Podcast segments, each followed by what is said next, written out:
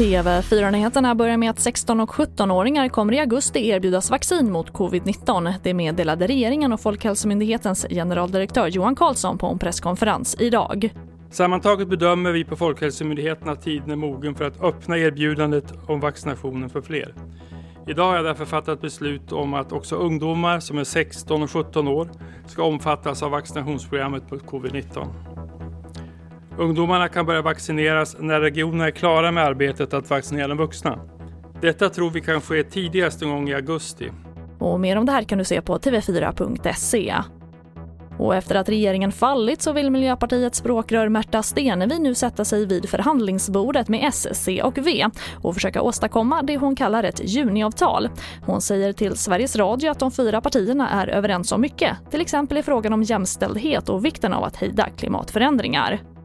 Och vi avslutar med att IKEA planerar att öppna ett tiotal nya specialbutiker runt om i Sverige innan årets slut, det skriver TT. Det rör sig om mindre konceptbutiker där kunder ska kunna få hjälp med planering av exempelvis kök eller garderobsinredning och att beställa hem varor.